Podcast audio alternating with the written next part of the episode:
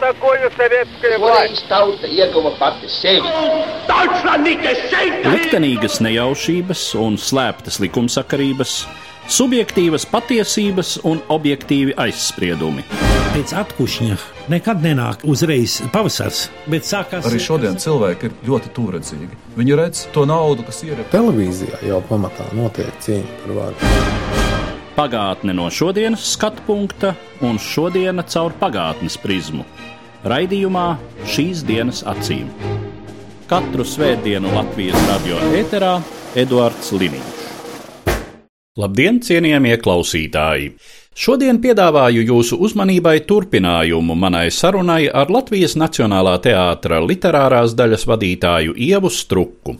Sarunā, kuras sākums izskanēja ēterā pagājušo svētdienu, 24. februārī, pieskārāmies nozīmīgākajām norisēm un tendencēm nulle apritējušajā Nacionālā teātra pastāvēšanas simtgadē. Nozīmīga mūsu sarunas daļa veltīta teātra situācijai Latviju anektējušās totalitārās padomju varas apstākļos. Starp citu, te mēs nonākam pie tādas ļoti nozīmīgas dilemmas, kas laiku pa laikam uzpeld kaut kur arī mūslaiku diskursā, domājot par padomju laika izpratni. Kā tad ir lūk, aktieris, kurš cenšas ar savu meistarību atdzīvināt eh, kantaini ideoloģiski veidotu padomju tēlu, vai aktieris, kurš spēlē Leņinu kā labu cilvēku? Kā viscilvēcīgāko cilvēku. Droši vien šodien ir vietā jautāt, kāda ir šī aktiera ētiskā pozīcija. To, ka Leņķis varbūt nav pasaules labākais cilvēks, to jau mēs uzzinājām salīdzinoši nesen. Tā kā es tev nevarēšu to tā pateikt. Es domāju, ka aktiera kaut kādā ziņā pamatu uzdevums ir atdzīvināt uzrakstītu tekstu. Ja šis teksts ir sarežģīts vai loma ir sarežģīta, viņam nav tik viegli šis teksts ir uzrakstīts vai nu ideoloģiski, schematiski, vai varbūt vienkārši pavājā dramaturgijā, bet tas ir viņa darbs. Viņš to dara. Man drīzāk tieši izējot no tava jautājuma par Leņinu, liktos interesanti, ka paskaties, kā ir mainījies laiks, jo būtībā šobrīd mēs politiķus, nu vienalga, vai tas ir Putins vai Vējons, uz skatuves uzliekam tikai um, kā parodijas objektus. Mēs jau viņus reāli kā tēlus neizmantojam, bet tajā pašā laikā visa padomu dramaturģija ir no vienas vietas ar tēliem, kuri ir gan dokumentāli, gan arī vienkārši kā varas pārstāvi. Un, un patiesībā šobrīd tādu tēlu īsti tādā žanrā, ko mēs uzskatām par dramaturģiju, nav, jo bez ironijas vai bez parodijas mēs pat faktiski neķeramies klāt. Tas ir interesanti, kā tas ir mainījies pa šo laiku. Bet par Leņķinu runājot, Nu, ja tu pieņem to laiku, to sistēmu, tu gribi savā specialitātē strādāt, tu neesi uzkāpis uz kuģa un devies bēgļu gaitās uz Zviedriju vai uz Vāciju, tu jau vienkārši pakļaujies tam spiedienam vai režīmam un uzstādījumam, ka nu, nekā cēlāk par vadoni nav. Un es nedomāju, ka tā ir milzīga liekulība no šiem konkrētiem aktieriem, kas presē ir teikuši, ka tas ir gods, jo kaut kādā ziņā tu vienalga spēlē vēstures personāžu, kurš ir bijis kā līderis. Tanī konkrētajā periodā, jā, varbūt kādam ir viedoklis par Staļina laiku represijām, bet Ļeņina personība būtu tik detalizēti analizēta vai ka būtu pieejamas tās zināšanas, kuras mums ir šobrīd, es domāju, ka tādu zināšanu vienkārši arī nebija. Ka tie cilvēki arī daudz nemeloja, spēlējot šo varoni. Droši vien mums vienmēr arī ir jāņem vērā, ka starp radošajiem cilvēkiem pastāvēja, kā lai to pareizāk nosauc, tāda zināmā intonatīva sazvērestība. Teātris un aktieri un režisors paļāvās uz to, ka skatītājs pratīs atsijāt graudus no pelavām, un viņš prata. Viņš prata nošķirt to, kas bija mesli ideoloģijai, viņš prata to ignorēt, saprotot, ka tie ir mesli, un ka tas tiek darīts tāpēc, lai pa vidu tam varētu uztaisīt kaut ko, kas tiešām pacilā, kas tiešām palīdz dzīvot tajā realitātē, un varbūt pat starp rindām iedabūt kaut ko pretēju, kaut ko opozicionāru, disidentisku. Un vēl ir tāds aspekts, par ko ļoti maz runājot. Patiesībā tur būtu jau tīri tāda grāmatvedības arhīvu materiāli jāpēta. Bet tik daudz, cik man ir iznācis redzēt arī atskaitas par šo periodu. Tur ir diezgan liela viltība no kultūras ministrijas puses, kas, protams, ir viņu uzstādījums ne jau teātra, ka šīs tā saucamās rūpnieciskās lugas, jeb padomu jaunāko laiku dramaturģiju, ir jāliek sestdienā un svētdienā, un arī pa dienu, kad cilvēki vienkārši var līdz tam teātrim nokļūt un tikt atpakaļ arī no reģioniem.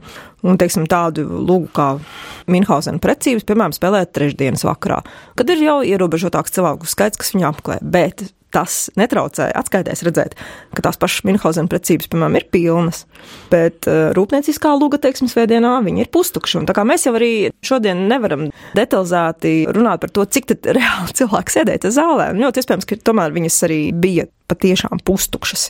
Mēs runājam par tiem pēckara pirmajiem gadiem.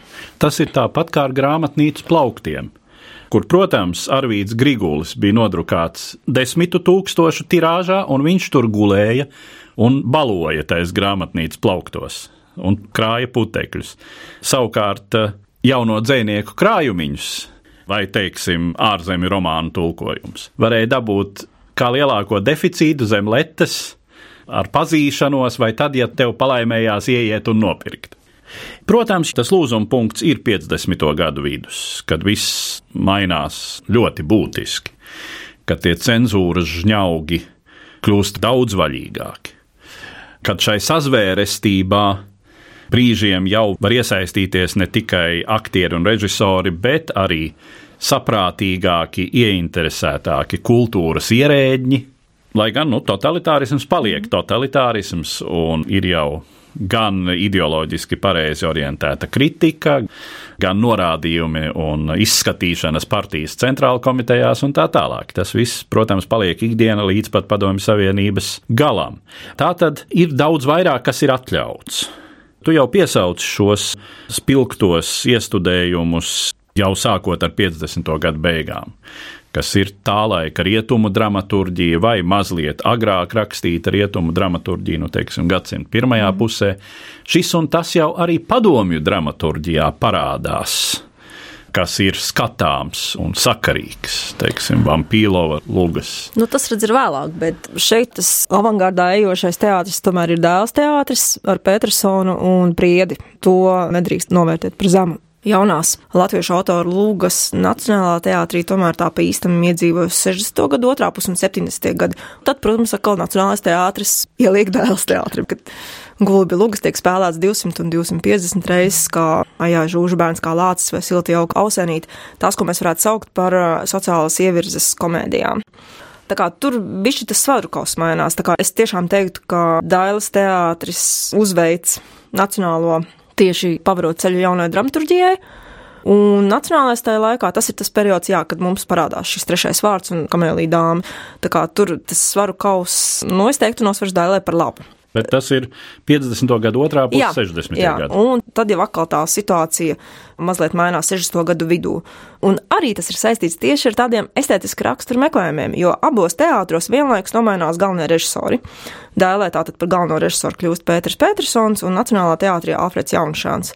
Un tad jau savukārt Petersona dēls teātris kļūst par tādu intelektuālo teātri, par intelektuālu pulcēšanās vietu, par šo progresīvo, domājošo domu biedru, par to ir daudz diskusijas tajā laikā. Un nacionālais ieņem visplašākajā un vislabākajā šī vārda nozīmē tautas teātra vietu. Es teiktu, ka abus teātrus skatīt tādā salīdzinājumā ir ļoti, ļoti aizraujoši un interesanti. Bet pēc tam latviešu darbu īpatsvars nosveras atkal Nacionālā teātra pusē, un runājot par tādu ārzemju dramaturģiju, tomēr nepārspēta virsotne ir ilgu tramvajs 69. gadā ar Antru Lietskalniņu, bet tā tad ir tiešām tā augstākā virsotne. Turpinājumā jūsu uzmanībai fragments no Tenesija Viljamsa Lūgas ilgu tramvajas iestudējuma toreizējā Latvijas PSR akadēmiskajā drāmas teātrī 1969. gadā. Iestudējuma režisors Alfrēds Jaunušāns. Lomās Blānša Antra Lietskalniņa, Stenlijs Gunārs Cilinskis, Stella Eleonora Dūda, Mičs Uldis Dumpis, Junisa Irīna Tomsone, Stīvens Egons Beseris, Pablo Arno Upenieks, ārsts Haralds Topsis, medmāsa Ilga Hincenberga. Iestudējuma radioversijas režisors Oļģerts Šalkonis.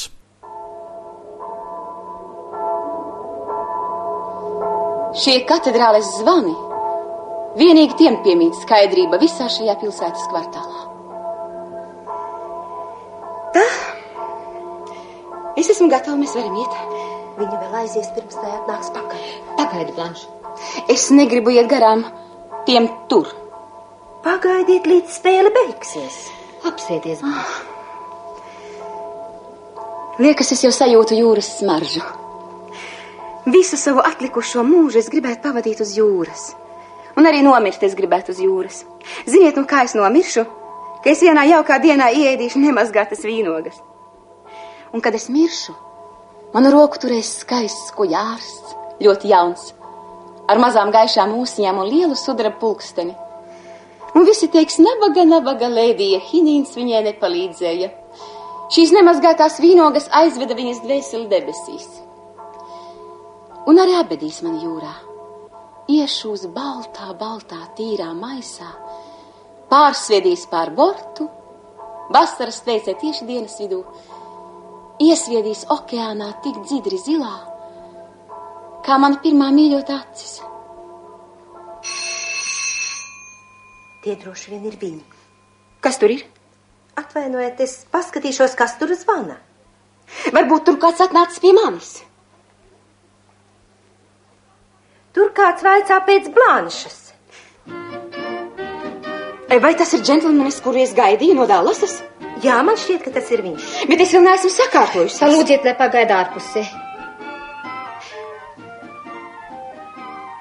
Vai viss ir sakravāts? Manis sudraba tolets spiedumi vēl nav ielikt somā ārstē. Jā. Viņi gaida ārpusē. Viņi? Ko tas nozīmē viņi? Viņam līdzi ir kāda dāma. Es nevaru iedomāties, kas būtu šī dāma. Kā viņa ir ģērbusies?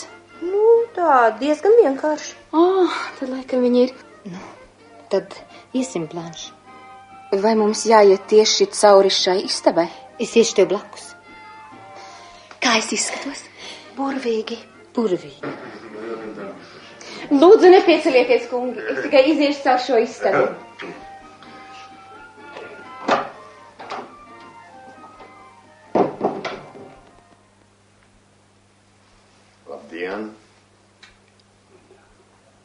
Piedodiet, bet jūs neesat tas džentlmenis, ko es gaidīju.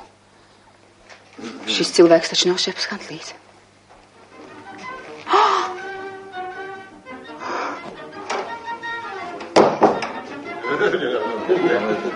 Jūs kaut ko aizmirsāt? Jā, es aizmirsu, es tūlīt. Kā te varbūt jūs ieiet? Māsā, izvediet viņu!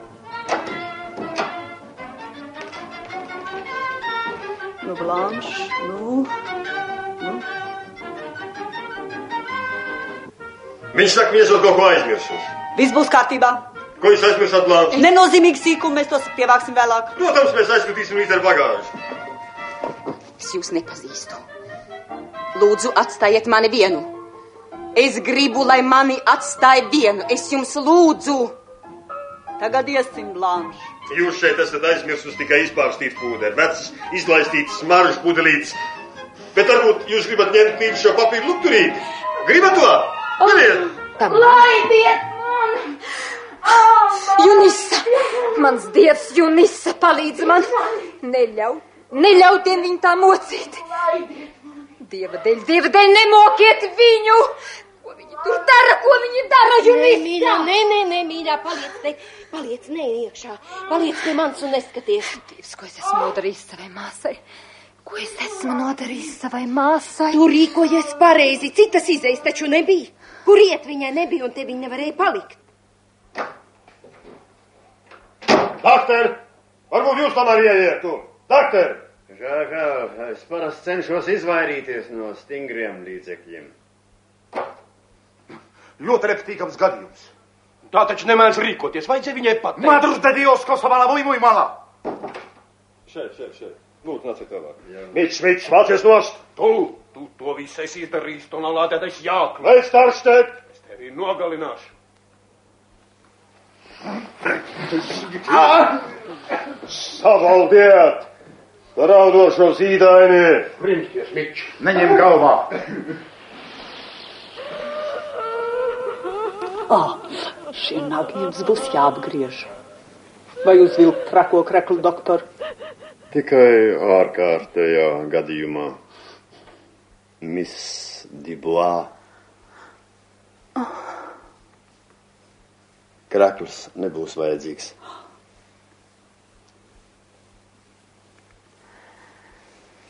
Vienalga, kas jūs esat. Es visu mūžu esmu bijusi atkarīga no svešu cilvēku laipnības. Šis ir arī tātad līdz ar to laika posms, kad arī sabiedrība un arī mākslinieki ir sapratuši, ka nu, visticamāk nekad nekas nemainīsies, un ar šo sistēmu tev ir pirmkārt jāsadzīvo, un otrām kārtām tā sistēma arī ir vienlaikus šai sistēmā, lai cik tā būtu stingra, tomēr ir šīs nemanāmās plaisas, pa kurām tomēr runāt vai par tādu vismaz personiskās brīvības jēdzienu, un tas teātris kļūst par šo iedomāto alternatīvo pasauli, kurā starp rindiņām atgādināt par ļoti būtiskām lietām, tiešām gan tādā individa līmenī, un šīs determinētības sajūtas līmenī, par to, ka nu, mēs esam šeit iekšā, un ka no mums pašiem tikai ir atkarīgs, vai mēs saglabājam tādu kaut kādu savu es un savu patību vai nē. Un arī tādā nacionālā līmenī, ka tāds tiešām arī kļūst par to vislatviskāko vidi, kurā var dzirdēt latviešu valodu, un turklāt, kas ir būtiski, par ko ir tiešām, man liekas, šodien grūti iedomāties, ne tikai uz skatuves, bet arī zālē, ka tu atrodies viens starp 800 citiem latviešiem, varbūt uz ielas. Šī proporcija tomēr ir jau daudz, daudz citādāka, ņemot vērā visu šo industrializācijas politiku un pārkrievošanas politiku. Tā kā tas teātris kļūst tam par tādu nacionālo identitātes uzturēšanas vietu, gan vietu, kur tomēr reflektēt par indivīda brīvību, ja vien, protams, tu principā par kaut ko reflektē, nevis atnāc tikai izklaidēties. Runājot par tevis piesaukto šo divu teātru konkurenci, teju kopš to pastāvēšanas pirmsākumiem. Nav jau tā, ka Daile un padomju laikā drāma sākotnēji un tagad atkal Nacionālais teātris būtu divi vienīgie. Nu, mums taču ir un ir vienmēr bijuši vēl citi teātri, vēl citi spēcīgi režisori. Nu, ja mēs runājam par tiem pašiem pagājušā gadsimta 60. un 70. gadiem, jaunatnes teātris ar Adolfu Šapīro. Interesanti meklējumi Valmieras teātrī. Oļģerts Kroders, kurš strādā Liepājā, Valmierā. Ar ko būtiski ir izskaidrojams tas, ka lūk, tā skatīšanās vienam uz otru un arī visā katrā ziņā ar teātri saistītajā sabiedrībā šķiet, ka joprojām tas kaut kur dzīvo. Lai gan nu jau ne īsti vietu skaits, ne arī Bet, ziniet, es tomēr domāju, ka tam vietu skaitam ir nozīme, un tam ir nozīme arī šodien. Tādēļ, ka, nu, ja tu vienu un to pašu izrādi ieliec jaunajā Rīgas teātrī, kur ir, teiksim, 400 vietu zāle, un tu ieliec dēlē ar tās tūkstošu vietām, tātad tev ir jānospēlē jau divas reizes, vismaz, lai tu sasniegtu tieši to pašu cilvēku skaitu. Tas nav mazsvarīgi. Tas, protams, ir pārbaudījums vienmēr aktieriem kā pārraidīt to savu domu un pārdzīvojumu līdz pēdējai rindai, jo, kā mēs zinām, ceļš padomu laikā pēdējās rindas arī bija liels deficīts, lai tur nokļūtu. Bet Es domāju, tā sāncensība kaut kādā ziņā arī, protams, ir uzturēta, un arī no pašu mākslinieku puses, jo tas jau ir kaut kāds tas atskaites punkts tev pašam, jo tā konkurence jau ir milzīgs dzinulis, lai tu tomēr izpaustos un lai tu salīdzinātos un lai tu būtu labākais un gribas būt labākam, un ja tu negribi būt labāks par savu kolēģi, nu tad kāpēc tu vispār strādā tajā profesijā? Un tas ir tikai dabiski, tur jau nav arī nekāda savstarpēja naida vai kaut kādas apzinātas pretdarbības. Un vienlaikus, protams, ar visu to, es domāju, šī teātru līdzās pastāvēšana ar atsevišķiem izņēmumiem, bet tomēr tā miedarbība jau ir bijusi. Gan tavs tēvs sāka Nacionālā teātrī, tad nonāca Dēls teātrī, gan Petersons no Dēls teātra ir bijis kā lūga autors Nacionālā teātrī un arī iestudējis te izrādes. Tāpat viņš ir strādājis jaunatnes teātrī. Šapīro arī iestudēja izrādi Moliēras Nacionālajā teātrī, un Alfreds Jaunšans spēlēja galveno lomu. Uz Nacionālā teātras skatuves ir spēlējis gan Vijārtmane, gan ir spēlējis Harijs Liepiņš. Otrādāk Girts Jakoļos ir spēlējis, kas nav dēls teātrī. Tā kā tas nav tikai šodien, ka aktieri un režisori migrē. Šodien gan krietni vairāk. Protams, bet tā cunftas lieta, man liekas, no vienas puses tā ir neizdomāta, bet reāla konkurence. No otras puses, tā ir arī, protams, tāda ecēšanās vienkārši pašu labsajūtas dēļ. Protams, ko jau tu arī teici, teātra vieta tā laika sabiedrībā bija krietni citāda nekā tā ir šobrīd. Un pirmām kārtām tiešām tāpēc, ka tā bija viena no tām vidēm, kur patiešām būt pamatā tikai starp latviešiem, dzirdēt latviešu valodu, iespējams izdzirdēt kaut kādus zemtekstus, kontekstus, kas, kā jau teicu, satur kādu disidentisku domu. Ir mūsdienās arī teātri un izrādes, uz kurām biļetes nav viegli dabūt. Bet stāvēšana rindā, teju vai cauru nakti, lai tiktu piemēram pie teātra abonementiem, tas ir kaut kas mūsdienās stipri neiedomājams var salīdzināt varbūt vienīgi ar dziesmu svētku biļešu iegādes procesu. Tā kā gluži neiedomājams tomēr nav. Bet uh, toreiz tā bija parasta lieta, ka teātra biļetes bija deficīts uz labām, uz pieprasītām izrādēm. Un aktieri, jāsaka, kā kultūras cilvēki vispār, mazliet arī aprada ar šo garantēto sabiedrības garīguma sargu un uzturētāju savā ziņā varbūt pat tautas tribūnu, arī latviskuma nesēju lomu ar šo īpašo statusu, varbūt nevienmēr domājot par to, cik tas uzliek atbildību. Un tad nāk atkal būtiskas sociālas, politiskas pārmaiņas, sabrūk padomju sistēma, mainās ekonomiskā situācija, nākas izdzīvot cauri smagiem ekonomiskiem satricinājumiem, pielāgoties gluži jaunām ekonomiskām attiecībām. Tā tad laiks, kas sākas ar pagājušā gadsimta 80. gadiem. Atkal kā teātris tam tiek cauri? 80. gadu pirmā puse jau tomēr vēl pieder pie tā paša perioda, kad 70. gadi. Es domāju, tas ir joprojām biļetes kā deficīts, aktieru tribūni, režisori viedie. Jā, jā, nu, tas, tas kulminē, tas, tas kulminē jā. atmodas laikā, protams. Jā, bet 80. gada beigas un 90. gada sākums tas patiešām ir milzīgs pārbaudījums un arī tāds apjukums, jo tiešām tu vari iestudēt visu, ko tu gribi, bet ne visu tev vajag, jo tas nepiesaista publiku. Bet tas tomēr nepiesaista galvenokārt, es tomēr uzdrīkstos teikt, finansiālās situācijas dēļ, jo tās naudas ir vienkārši kritiski maz.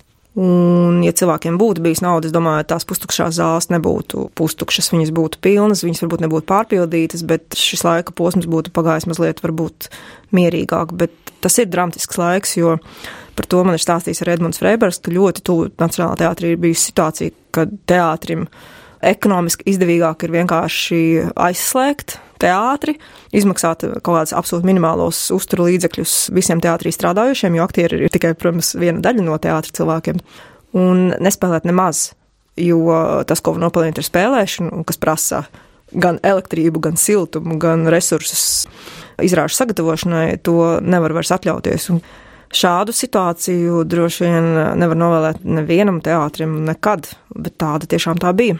Un arī repertuāra ziņā tā situācija ir tāda, ka tu tiešām vairs nesaproti, kurā virzienā skriet un ko ķert un ko grābt. Jo no vienas puses, teiksim, paskatoties 90. gadu sākuma repertuāru, tas nav tikai Nacionāla teātris, tas ir arī īstenībā visos Latvijas teātros. Ir skaidrs redzams, ka teātris mēģina atgūt iekavēto un ka viņi mēģina spēlēt daļu no tā repertuāra, kas ir bijis līdz šim aizliegts, nepieejams, teiksim, sava laika moderno laikmetīgo dramaturģiju, kas ļoti bieži arī absurda dramaturģija, kam atkal savukārt vajag speciāli jau jaunu atrast estētiku un stilistiku, un tu nevari tā vienkārši vienā dienā pilnīgi citādāk pagriezt visu teātras spēles principus, kas ir bijuši tomēr atšķirīgi. Un tad otrs virziens, kurā teātris grābi un ķer, ir aizliegtā vai nepieejamā Latvijas laika dramaturģija vai Latvijas laika teātris repertuārs, mēģinot reanimēt un iepūst jaunu dzīvību un parādīt, ka šādi darbi ir bijuši, un tas arī simtprocentīgi nenostrādā un nav vairs vajadzīgs, jo laiks ir gājis priekš un cilvēki ir mainījušies. Un tāpēc 90. gadu pirmā puse es pati kā studente atceros, ka Es ļoti bieži sēdēju zālē, kurā bija 100 vai 200 cilvēku, un ja šodien būtu tie 100 vai 200 cilvēki, visticamāk, izrāda varētu arī nenotikt vispār. Bet tad notika. Un tāpat es atceros kādu Māru Jaunozolu Nacionālā teātra ilgadīgā direktora interviju, kur viņš saka, ka mēs nevaram vairs atļauties uzturēt konkrētus aktierus seniorus, jo mūsu dotācija ir samazināta līdz 80%. Es domāju, vai dieniņš šodien būtu 80%, mēs visi būtu pārlaimīgi. Nu, šodien tā dotācija ir starp 50 un 60% kā kuram teātrim. Un tiešām visu to, ko piešķir valsts, praktiski lielie teātri atmaksā atpakaļ valstī nodokļos. Viss izrāžu tapšanas process un alga jautājums ir tikai uz teātra paša nopelnījuma pelnītā rēķina. Tā kā ir šie pārkārtojumi vai šīs pārmaiņas no simtprocentīgas dotācijas līdz šī brīža situācijai ir milzīgi. Šie 30 gadi ir bijuši grūti. Jā, protams, tie ir bijuši radoši ļoti arī piepildīti, bet tā ir pilnīgi jau cita sistēma, kurā šobrīd strādā teātris. Es domāju, ka ir grūti iztēloties to 90. gadu situāciju Latvijā. Bet teātris tam ir ticis cauri, nav gājis bojā ir pieprasīts joprojām, un to simtgadi sagaida patiesībā ārkārtīgi labā situācijā tieši attiecībā uz skatītāju mīlestību. Tie 165 tūkstoši, kas mūs apmeklē sezonas laikā, un dēlē ir apmēram tāds pats cipars. Manuprāt, viņš pat varētu būt mazliet lielāks, ņemot vērā zāļu lielumu. Paldies viņiem, lai viņi nāk arī turpmāk. Kas tad ir tas, uz ko šobrīd orientējas Latvijas Nacionālais teātris, kā uz savu radošo programmu, uz savu radošo kredo, ja tā var teikt. Tā kā mums šosezon nomainījās direktori, es nevaru komentēt jaunā direktora programmu, par to tad ir jājautā viņam, bet strādājot kopā šos gadus ar Ojāru Rubenu, mūsu pamat ievirze bija izklausīsies ļoti dīvaini, bet īstenot Raiņa 21. gadā definēto programmu ka tiešām Latvijas Nacionālajā teātra repertuārā ir jāparādās latviešu autoru darbiem, Mēs to kā tradīcija esam turpinājuši jau no 88. gada, ko aizsāka Mihails Kublinskis, ka katru sezonu mēs atklājam latviešu autoru darbu, bet tā mūsu vēlme ir bijusi uh, pārvērst to par būtisku, nevis formālu atskaites punktu, par to, lai patiesi ne tikai sezonas sākumā, bet principā katrs režisors, kurš nāk ar piedāvājumu strādāt ar latviešu autoru darbu, lai viņš sastaptu vislielāko pretīnākšanu, ja vien vispār tam ir kaut kādi estētiski un profesionāli parametri, lai tas vispār nonāktu uz profesionāla teātra skatuves. Bet, teiksim, tā atsaucība latviešu autoru darbiem vai tēmām par Latvijas vēsturi un Latvijas svarīgām personībām, tā ir bijusi kā prioritāte. Un otrs uzdevums, un arī par to jau ir runājis Rainis, tiešām par šīm laikmetīgajām lielās klasikas interpretācijām. Un nav runa tikai par labi zināmiem darbiem, lai mēs tos atkal un atkal skatītos, kā, teiksim, 4. vai 5. vai 10. Hamletu, bet arī par tādiem darbiem, kas uz teātras skatuves ir parādījušies vai nu reti, vai vēl nekad Latvijā kas nozīmē arī jaunus tulkojumus, kas nozīmē arī valodas attīstību, un kas nozīmē arī publikas izglītošanu, jo viņi iegūst priekšstatu Skaidrs, ka nevienmēr tas vainagojas spožā vai ekscelentā izrādē, tieši no estētiskā viedokļa, bet no satura viedokļa. Tā ir uh, iespēja tomēr pilnveidot un daudzveidīgot to lielo pasaules kultūras mantojumu, kurš mums nebūtu simtprocentīgi joprojām nav pieejams. Nav runa tikai par lugām, runa arī par lieliem literāriem darbiem. Un runājot par kādu skatuviskās estētikas programmu, vai tā ir, vai tāda ir vajadzīga, Es domāju, ka nē. Šodien teātra daudzveidība un arī tās iespējas, ko piedāvā ne tikai jau šie apgūtie spēles stili, bet vispār arī jauni meklējumi. Es nedomāju, ka ir kaut kādā veidā no augšas jānosaka, ka mēs tagad kopsim tikai tādu stilu un ne citādu. Jo tas, ko gan es esmu novērojis savā reālajā darbā, ka ja ilgāku laiku vairums režisoru strādā ar to, ko mēs varētu dēvēt par realismu, tad agri vai vēlu kāds saka, paga, paga.